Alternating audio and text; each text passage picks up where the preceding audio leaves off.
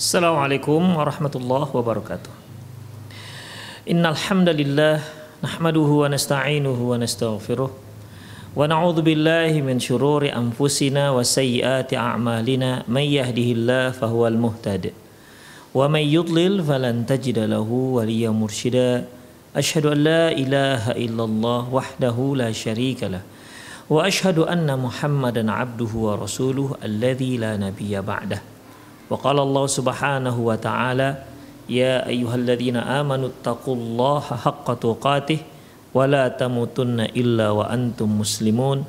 وقال عز من قال يا أيها الذين آمنوا اتقوا الله وقولوا قولا سديدا يصلح لكم أعمالكم ويغفر لكم ذنوبكم.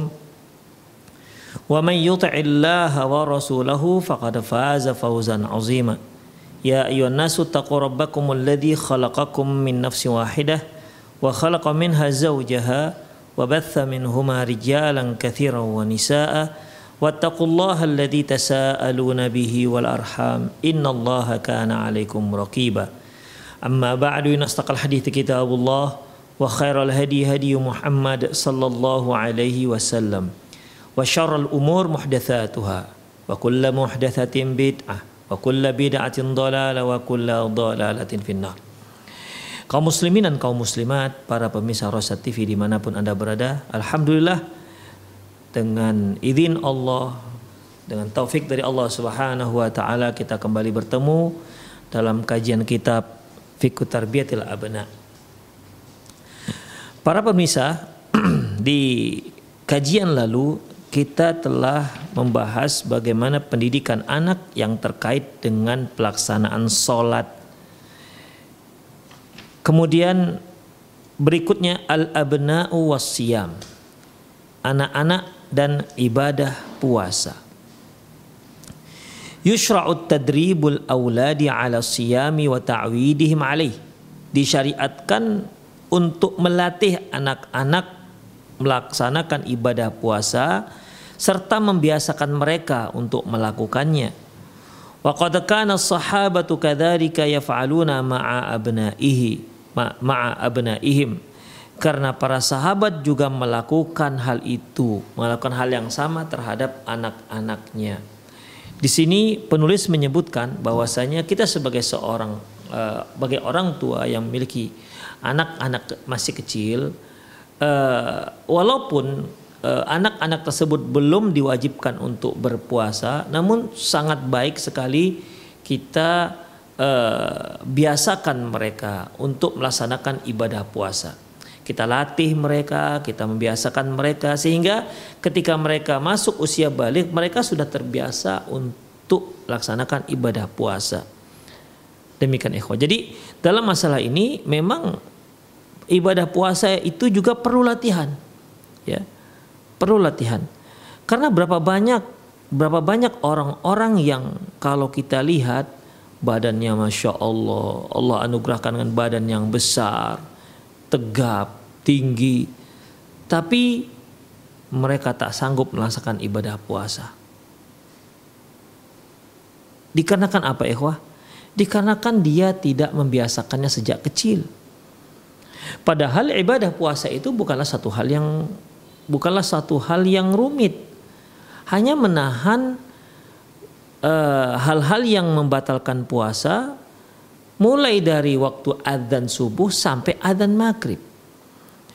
Ya kalau kita kalkulasikan hanya sarapan kita percepat, kemudian makan malam kita kita kita kita percepat juga ya. Eh, pas maghrib demikian ikhwah hanya itu. Jadi yang libur itu hanya makan siang sebenarnya. Ya.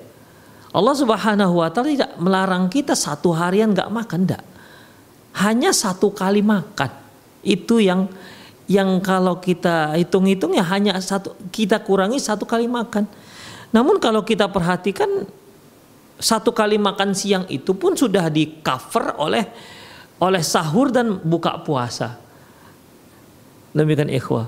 Bahkan kalau kita perhatikan ya mungkin para bapak-bapak menghitung uh, belanja untuk makanan di Ramadan itu malah lebih banyak uang keluarnya ketimbang nggak Ramadan.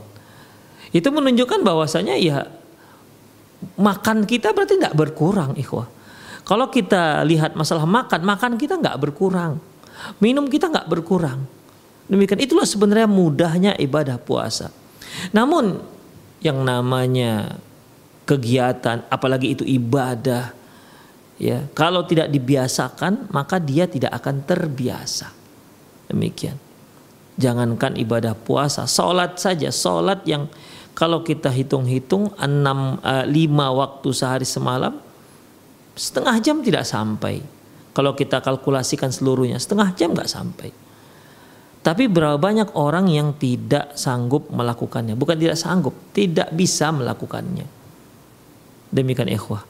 Oleh karena itu, ya dalam masalah ini kita sebagai orang tua agar tidak menjadi beban kita nanti di ketika dia sudah sudah besar, ya agar Allah Subhanahu wa taala agar ketika Allah Subhanahu wa taala bertanya kepada kita nanti di hari akhirat kita bisa menjawab pertanyaan tersebut terkait dengan tanggung jawab kita melatih anak kita untuk melaksanakan ibadah puasa. Akhraj al-Bukhari wa Muslim diriwayatkan oleh Imam Bukhari dan Muslim min hadis Rubai' binti Muawid dari hadis Rubai' binti Muawid radhiyallahu anha qalat dia berkata arsala Rasulullah SAW ghadata Asyura bahwasanya Rasulullah sallallahu alaihi wasallam uh, di siang hari Asyura ila Qura Ansar beliau mengutus seorang utusan ke sebuah kampung penduduk Ansor allati haulal Madinah yang tempatnya berada di pinggir kota Madinah. Apa isinya? Apa isi pengumuman yang di yang yang akan diumumkan oleh si utusan tersebut mangkana asbaha iman falyutimma saumah barang siapa yang pada pagi harinya sudah sudah mulai berpuasa maka silahkan sempurnakan ibadah puasanya. Wa man kana asbaha muftiran falyutimma baqiyata yaumih. Namun barang siapa yang pagi harinya dia sudah sarapan dia sudah makan pagi maka sejak dengarnya pengumuman ini dia mulailah untuk berpuasa jadi ya dia anggap bonus lah sarapan dia tadi pagi itu Demikian ikhwah. Ini merupakan uh, apa namanya? ibadah puasa yang pertama. Ya, ibadah puasa pertama yang diwajibkan dalam Islam. Dan ini dan ini kewajiban ini sebelum turunnya ibadah Ramadan, puasa Ramadan. Demikian ikhwan. Ya. Di sini Rasulullah SAW mewajibkan, ya, mewajibkan. Uh, awalnya ikhwah ketika Rasulullah Shallallahu Alaihi Wasallam sampai ke kota Madinah, beliau melihat sebagian penduduk kota Madinah itu ada yang berpuasa hari Ashura, yaitu di tanggal 10 Muharram. Lantas beliau bertanya, mengapa mereka puasa? Mengapa mereka melaksanakan ibadah puasa di tanggal 10 Muharram? Dijawab oleh para sahabat bahwasanya pada hari tersebut adalah yaumun najallahu Musa min Firaun. Bahwasanya pada hari itu adalah hari di mana Nabi Musa diselamatkan Allah Subhanahu wa taala dari kejaran Firaun. Fasoma Musa syukron lillah. Maka Nabi Musa pun berpuasa sebagai tanda syukur kepada Allah Subhanahu wa taala.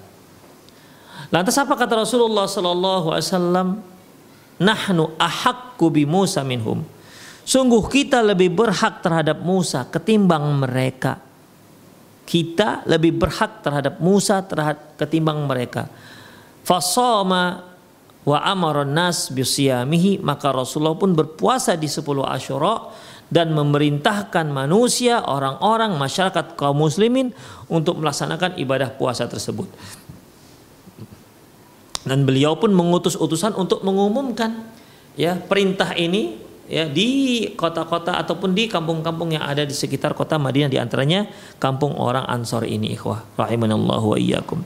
Yang isinya mangkana asbaha iman barang siapa yang tadi pagi sudah mulai berpuasa maka falyutimma saumah maka silahkan dia melaksanakan puasa lanjutkan puasanya sampai selesai wa man kana asbaha muftiran namun barang siapa yang sudah sempat sarapan falyutimma baqiyata saumi maka sejak ini sejak sampainya berita ini maka hendaklah dia mulai untuk beribadah puasa.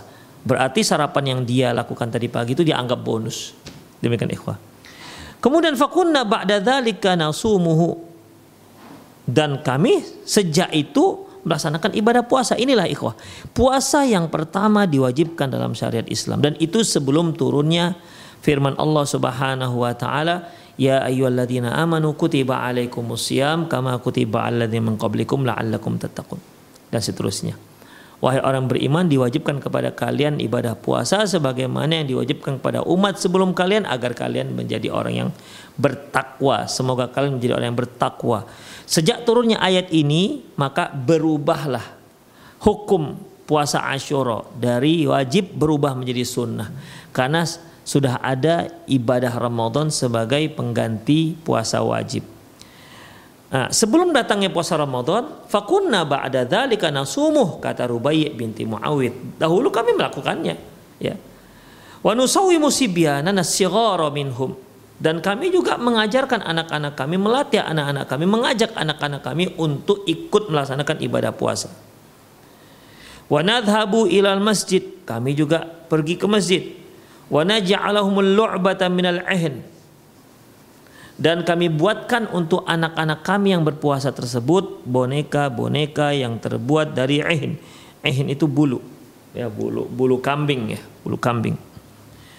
Fa idza baka ahaduhum 'ala apabila salah seorang mereka apabila ada anak-anak kami yang nangis ya karena puasa Allah siam a'tainahu iyahu indal iftar kami berikan itu di uh, ketika sudah berbuka puasa artinya sebagai sebagai hadiah Demikian ikhwah. Artinya apa?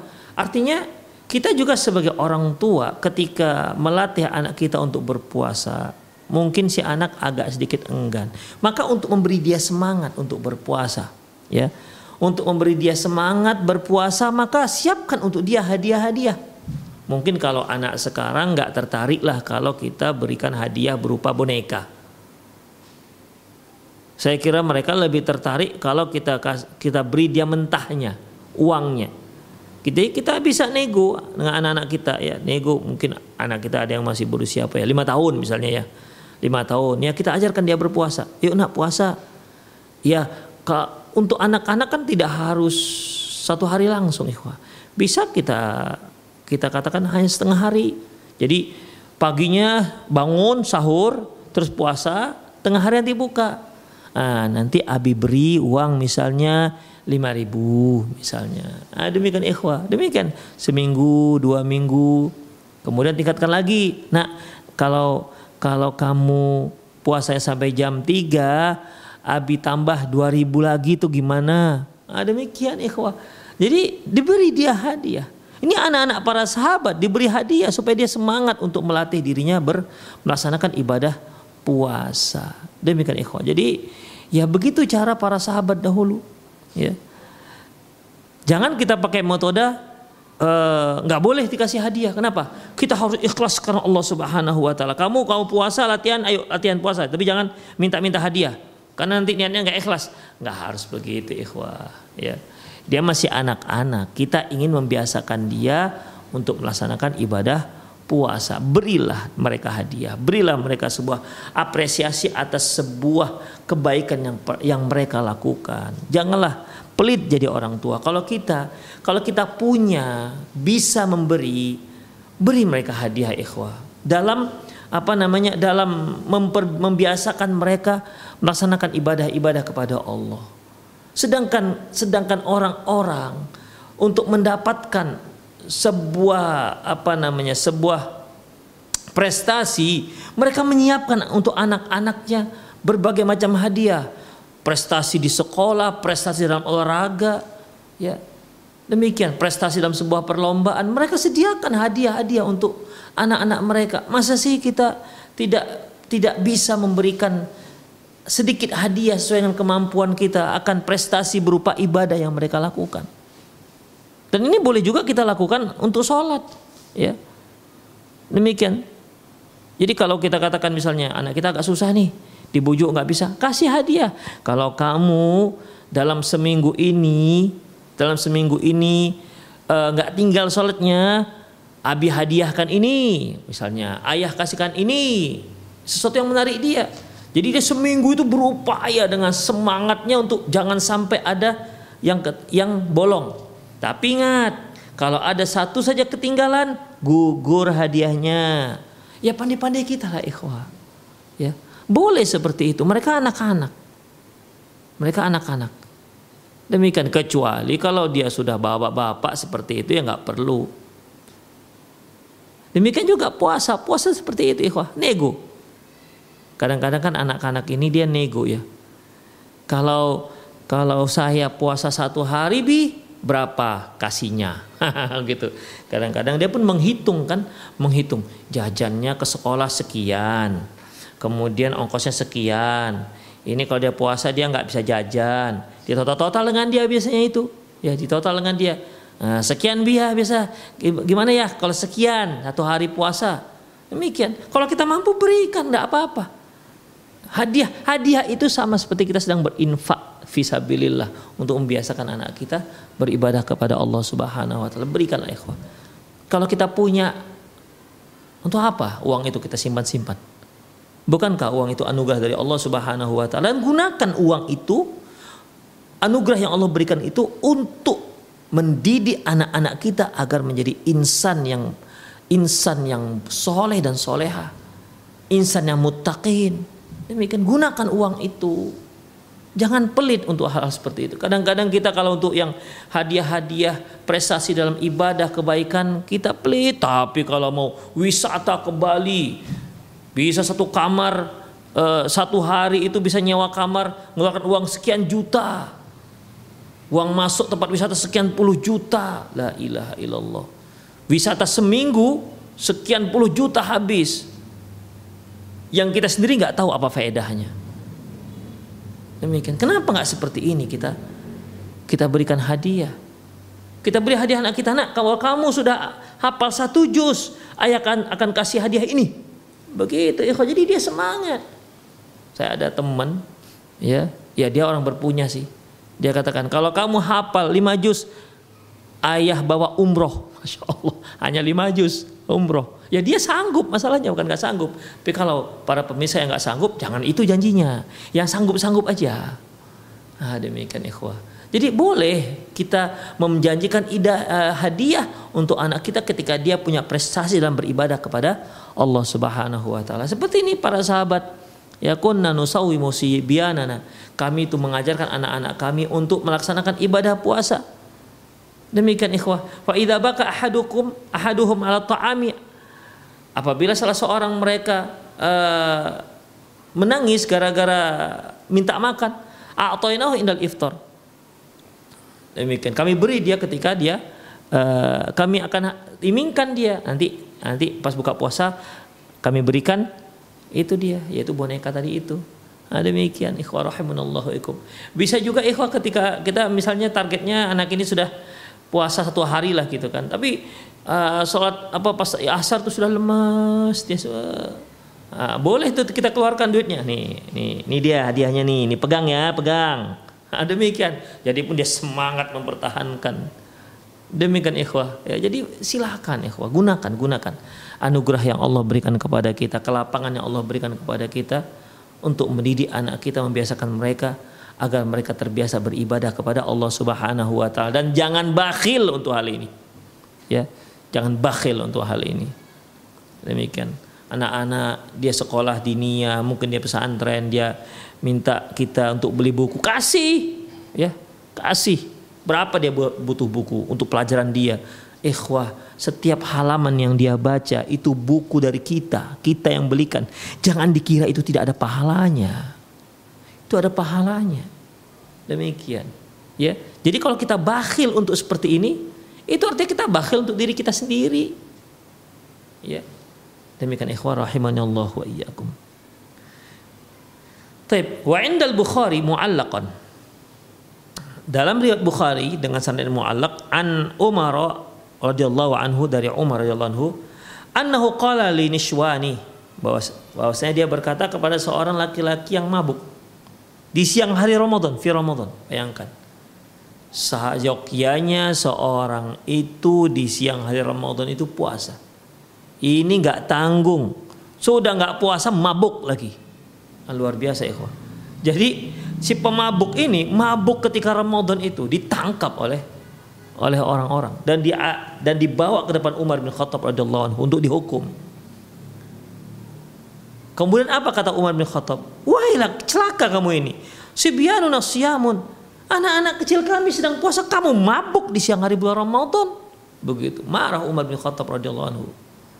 Makanya ikhwah, eh, ini menunjukkan bahwasanya eh, anak-anak kecil Madinah itu sudah sudah puasa dia ketika ketika Ramadan, ketika ketika ibadah puasa, mereka ikut melaksanakan ibadah puasa.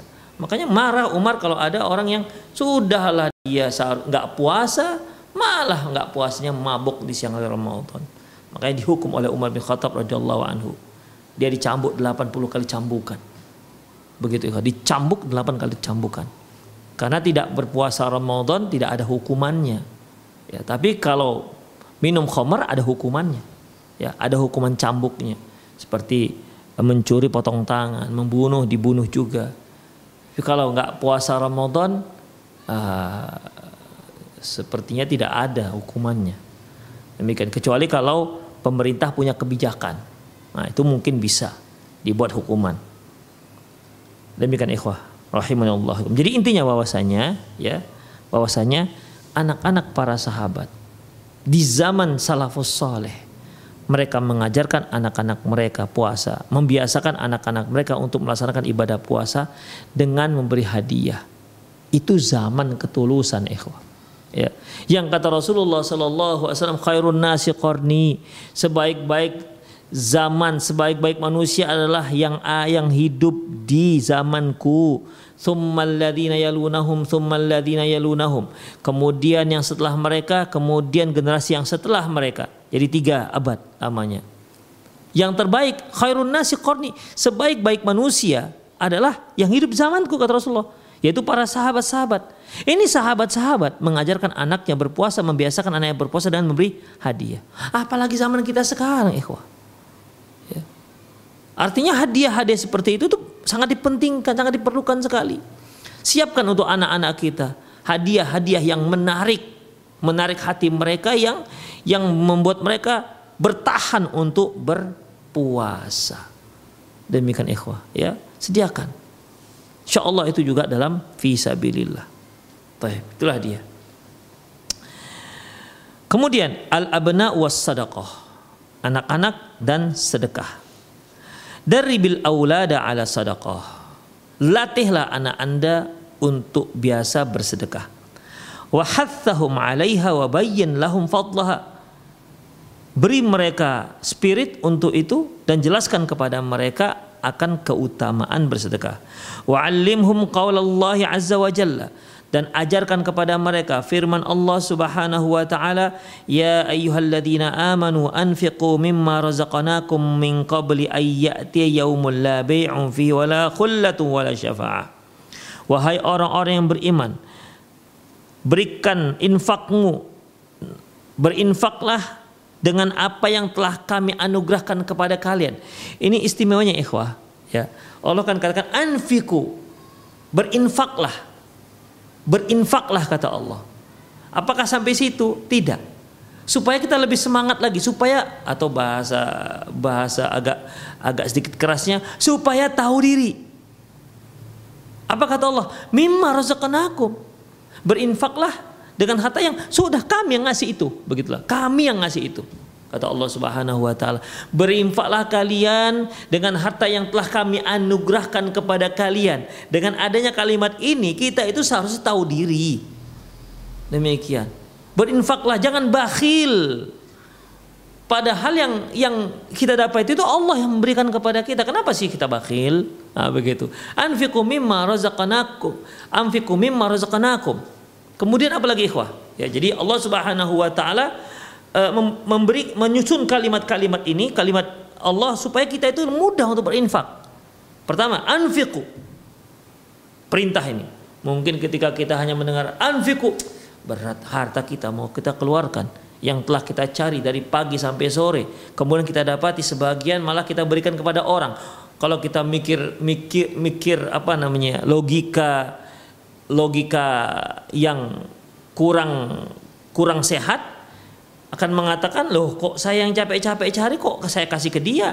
Kok dia yang mengambil hasilnya? Kan begitu. Tapi kan tidak seperti itu. Allah katakan anfiku oke berinfaklah kamu. Pertama mimma razaqnakum. Atas anugerah yang telah kami berikan kepadamu. Tuh. Jadi itu Allah loh yang ngasih anugerah. Allah loh yang memberikan kepada kamu. Kemudian apalagi min qabli ayyati yaumul la bai'un fi wala khullatu wa syafa. Sebelum datang hari di mana tidak ada lagi jual beli, tidak ada lagi teman karib dan tidak tidak ada lagi syafaat.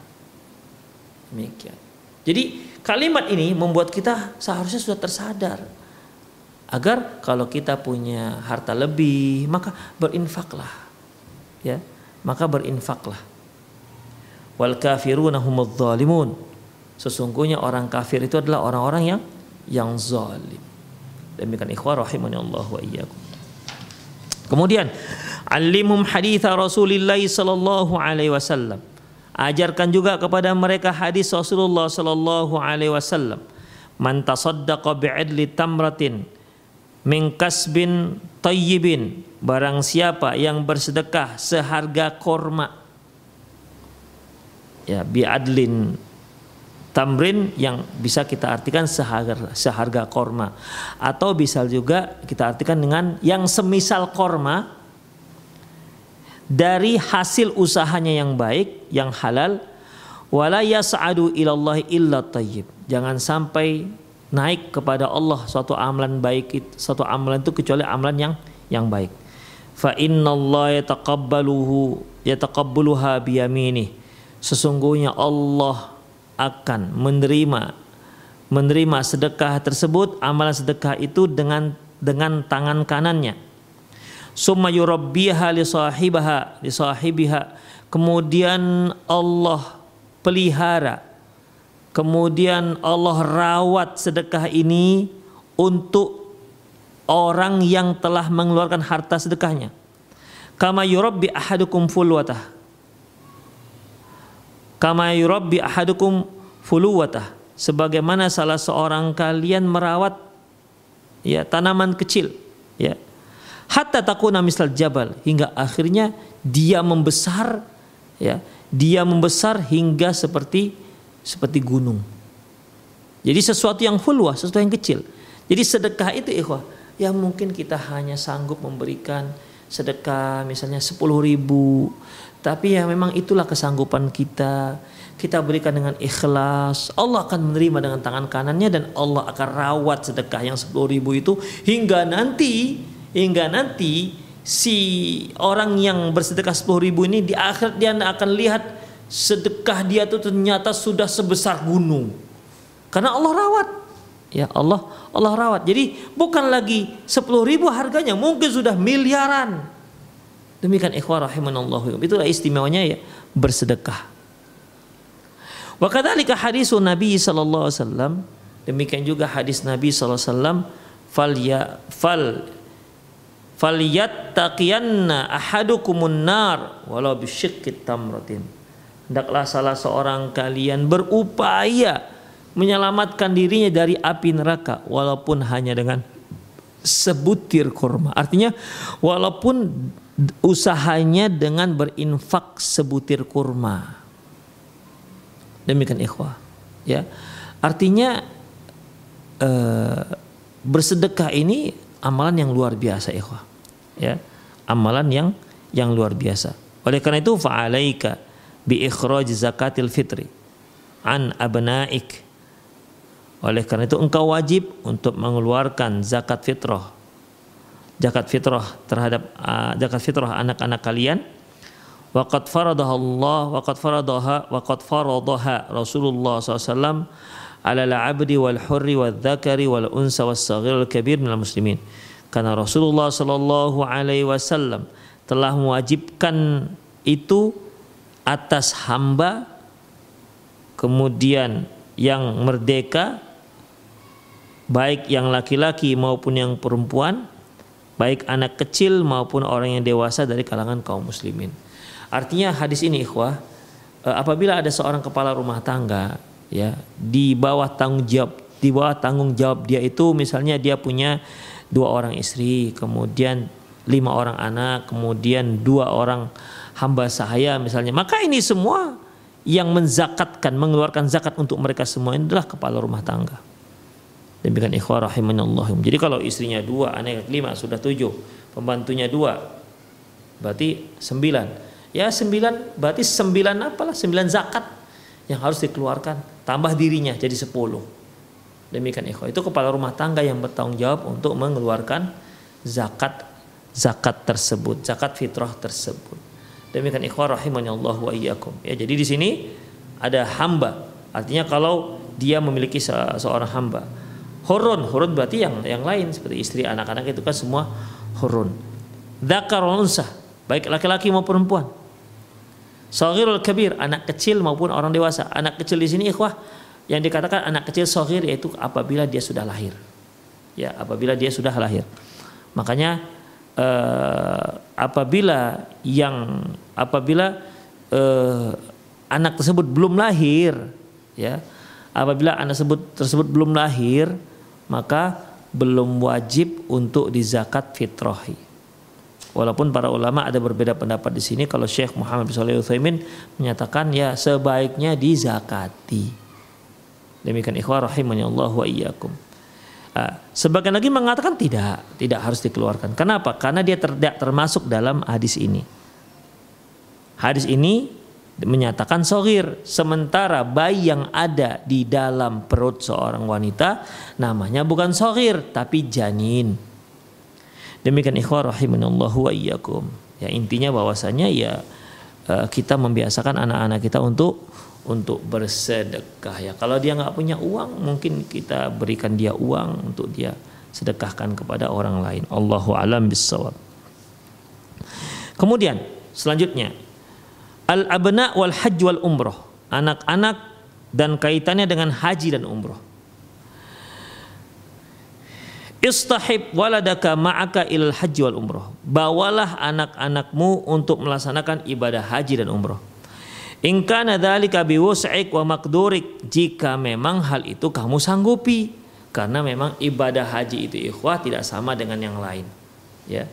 Rasulullah Shallallahu alaihi wasallam menyatakan Allah Subhanahu wa taala firman walillahi 'alan nasi hajjul baiti man istata'a ilaihi sabila sungguhnya manusia punya kewajiban terhadap Allah Subhanahu wa taala untuk melaksanakan ibadah haji ke Mekah Manis tato sabila bagi siapa yang mampu. Ya, bagi siapa yang mampu. Yang nggak mampu maka tidak tidak mengapa tidak melaksanakan haji.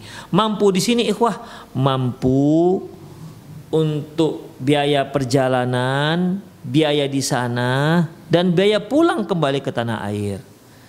Biaya itu sudah ter, tersedia. Itu satu. Kemudian Mampu di sini juga terkait dengan kesehatan. Karena ibadah haji cukup menguras tenaga ikhwah, ya. Kesehatan. Kalau dia ternyata tidak sanggup untuk melaksanakan perjalanan ibadah haji, maka dia tidak wajib karena dia dianggap tidak sanggup.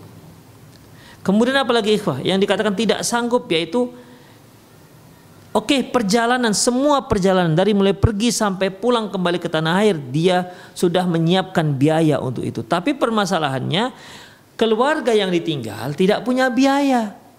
Masa mereka dibiarkan lapar, kelaparan gara-gara kita pergi ke, ke Mekah? Jadi mereka juga diperhitungkan biayanya. Sebulan atau dua bulan atau tiga bulan berapa biayanya mereka? Berikan. Nih biaya nafkah dapur untuk makan selama sebulan misalnya atau selama 40 hari kalau ibadah haji reguler. Demikian ikhwah.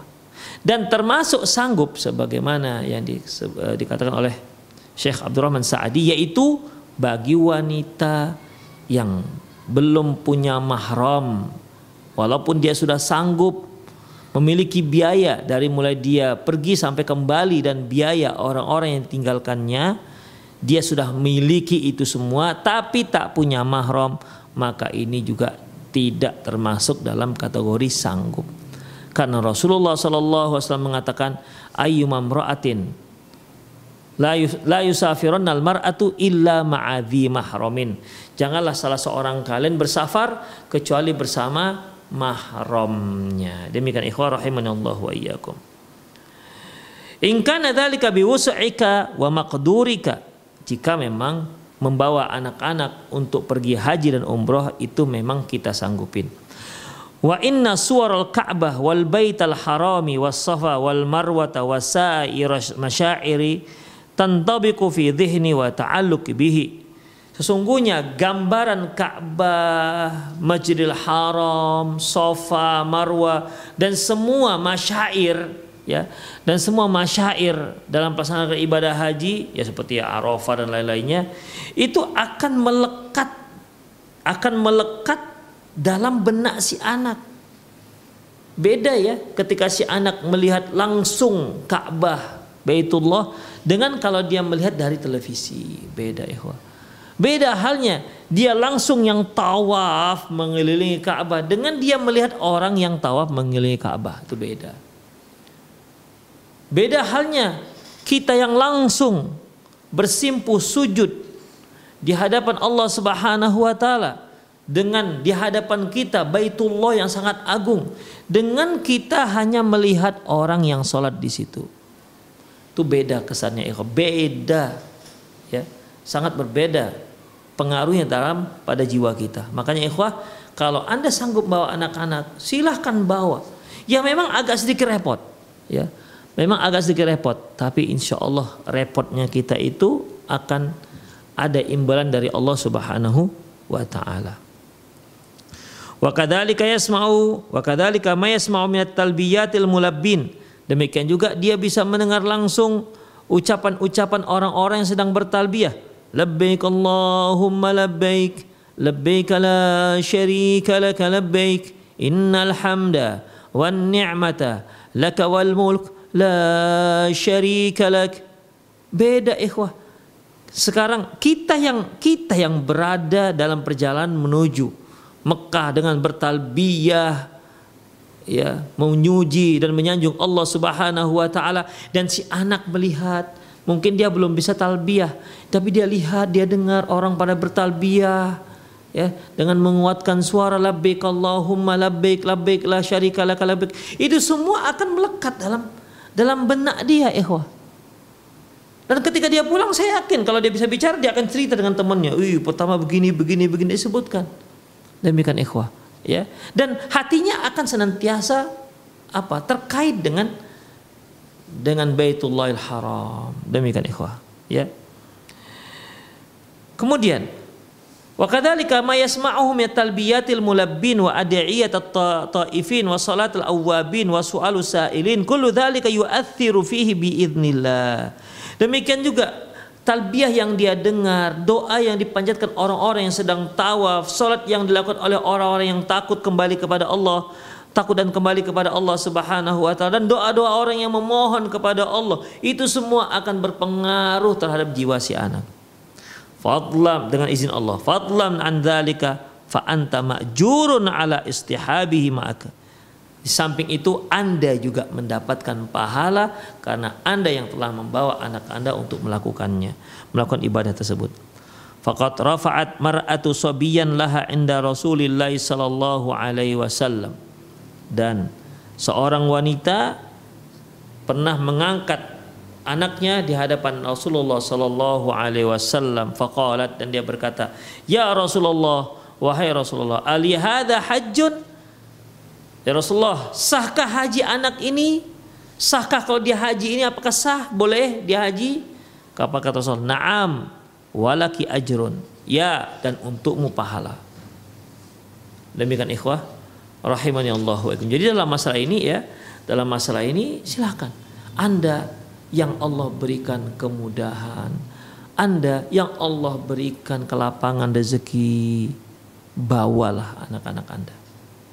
Berdoa di sana, mohon kepada Allah agar anak yang dibawa ini menjadi anak yang soleh, takwa kepada Allah, berbakti kepada kedua orang tuanya, dan bermanfaat untuk masyarakat, mengajak mereka ke ke surganya Allah Subhanahu wa taala, mengajak mereka ke jalannya Allah Subhanahu wa taala. Demikian ikhwah rahimanallahu wa iyyakum. Selanjutnya, al-abna'u wal ihsanu wa muraqabatullahi azza wa jalla. Anak-anak dan kaitannya dengan ihsan dan pengawasan dari Allah Subhanahu wa taala.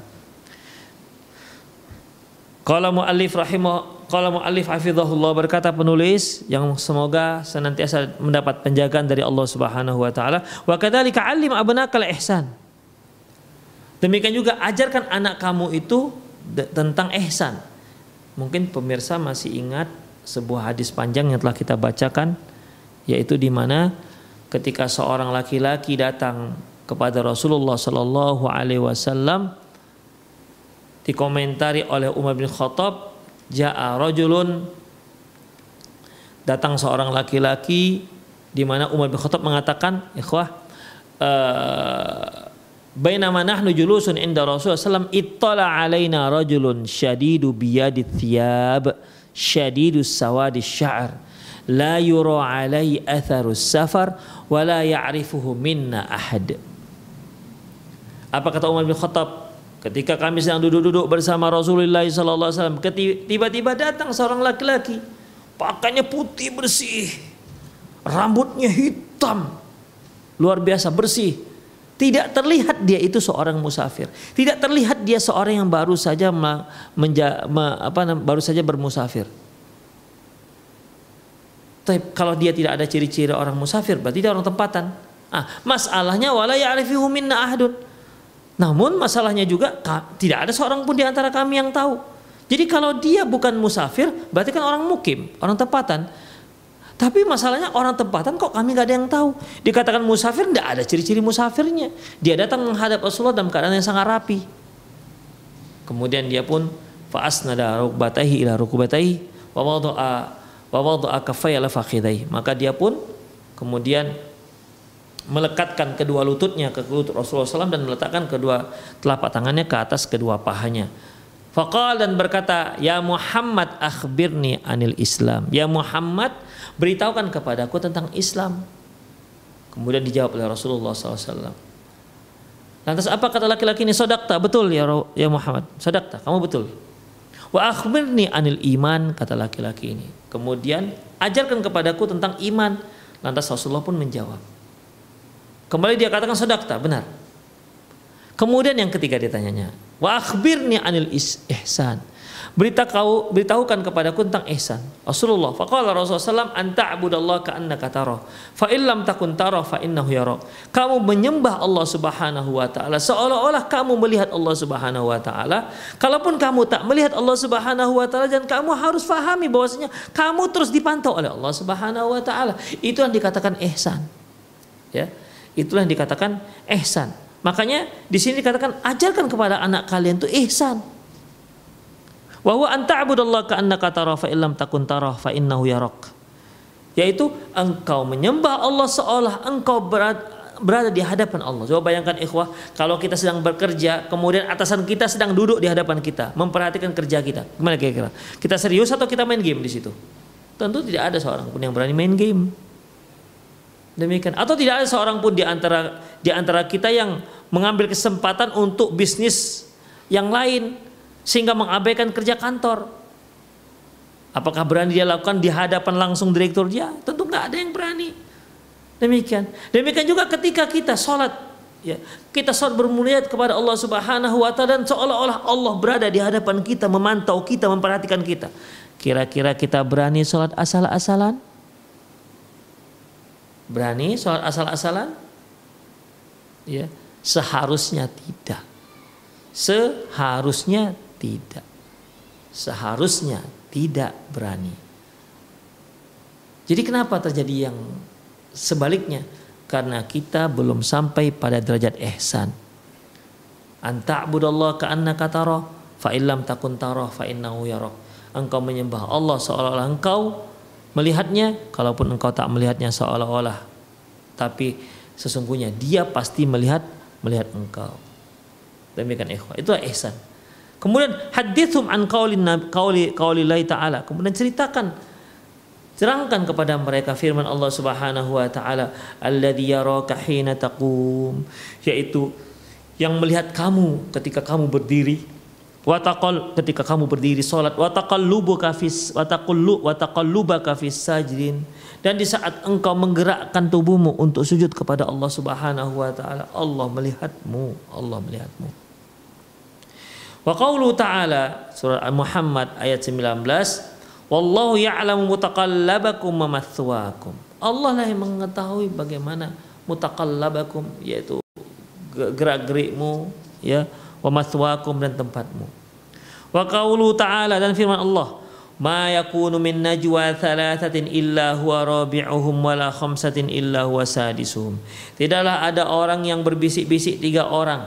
Tidaklah ada tiga orang yang berbisik-bisik kecuali Allah itu yang keempat.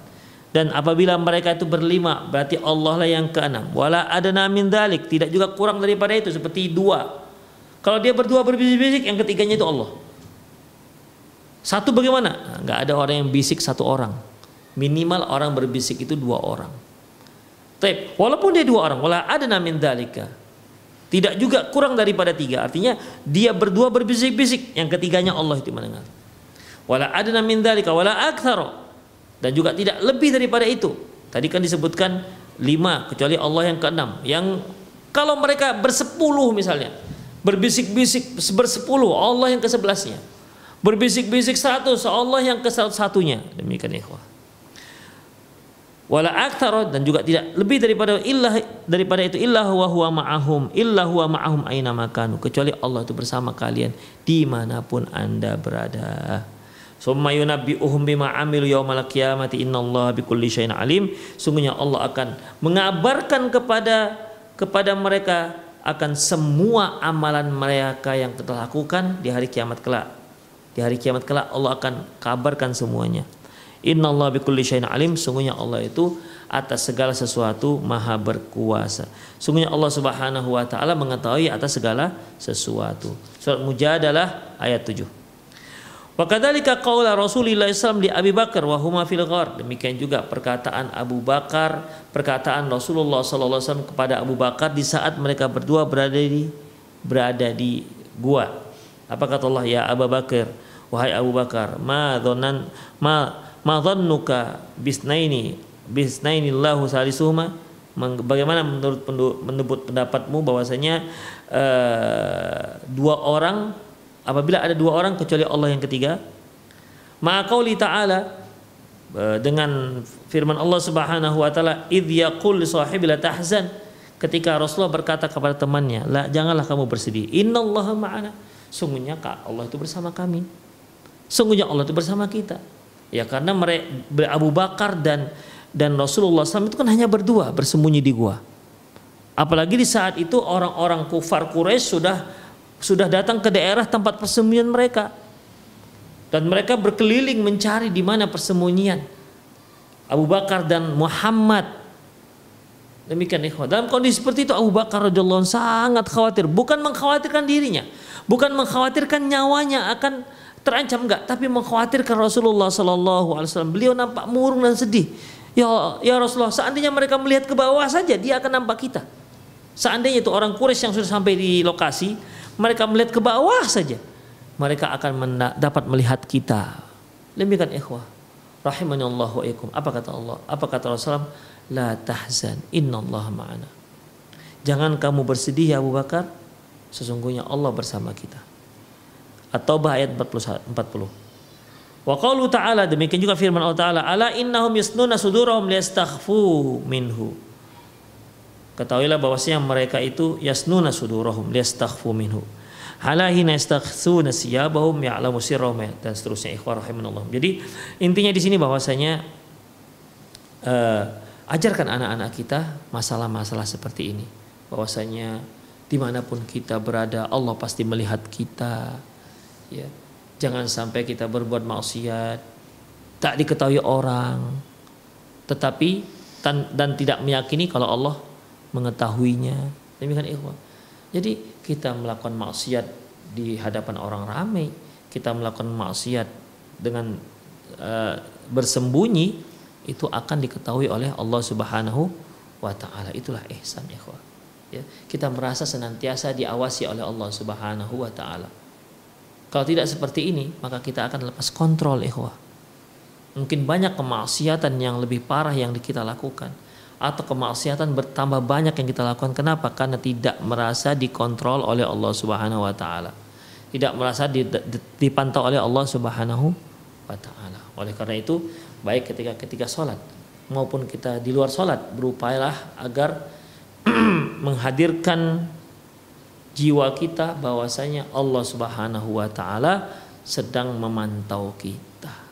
Ya, sehingga ibadah yang kita lakukan lebih berkualitas dan kita akan lebih mampu untuk meninggalkan perkara-perkara yang dilarang oleh Allah Subhanahu wa taala. Demikian para ikhwah rahimanallahu wa iyyakum.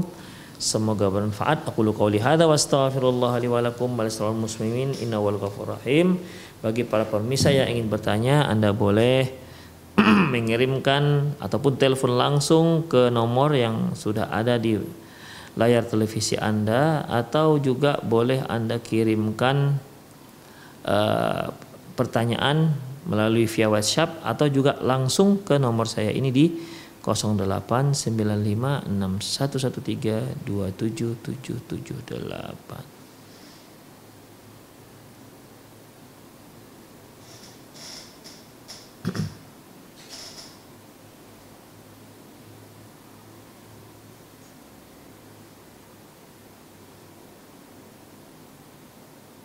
belum ada yang masuk sampai saat ini atau bagi para pemirsa yang ingin langsung bertanya silahkan Anda bisa hubungi nomor yang ada tertera di pesawat televisi Anda.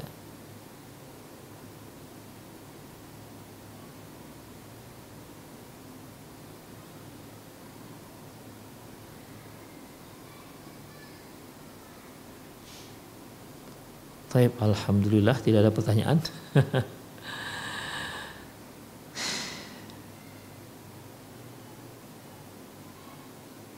Tapi ikhwah rahimanallah wa iyyakum, sepertinya untuk sore hari ini suasana lengang ya, tidak ada pertanyaan. Semoga apa yang kita sampaikan bermanfaat. Qulu qouli hadza wa astaghfirullah li wa wa muslimin innahu wal ghafurur rahim. Subhanakallahumma bihamdik asyhadu an la ilaha illa anta astaghfiruka wa atubu ilaik. Wa sallallahu ala nabiyyina Muhammad wa ala alihi wa ashabi ajma'in. وآخر دعوانا الحمد لله رب العالمين. السلام عليكم ورحمة الله وبركاته.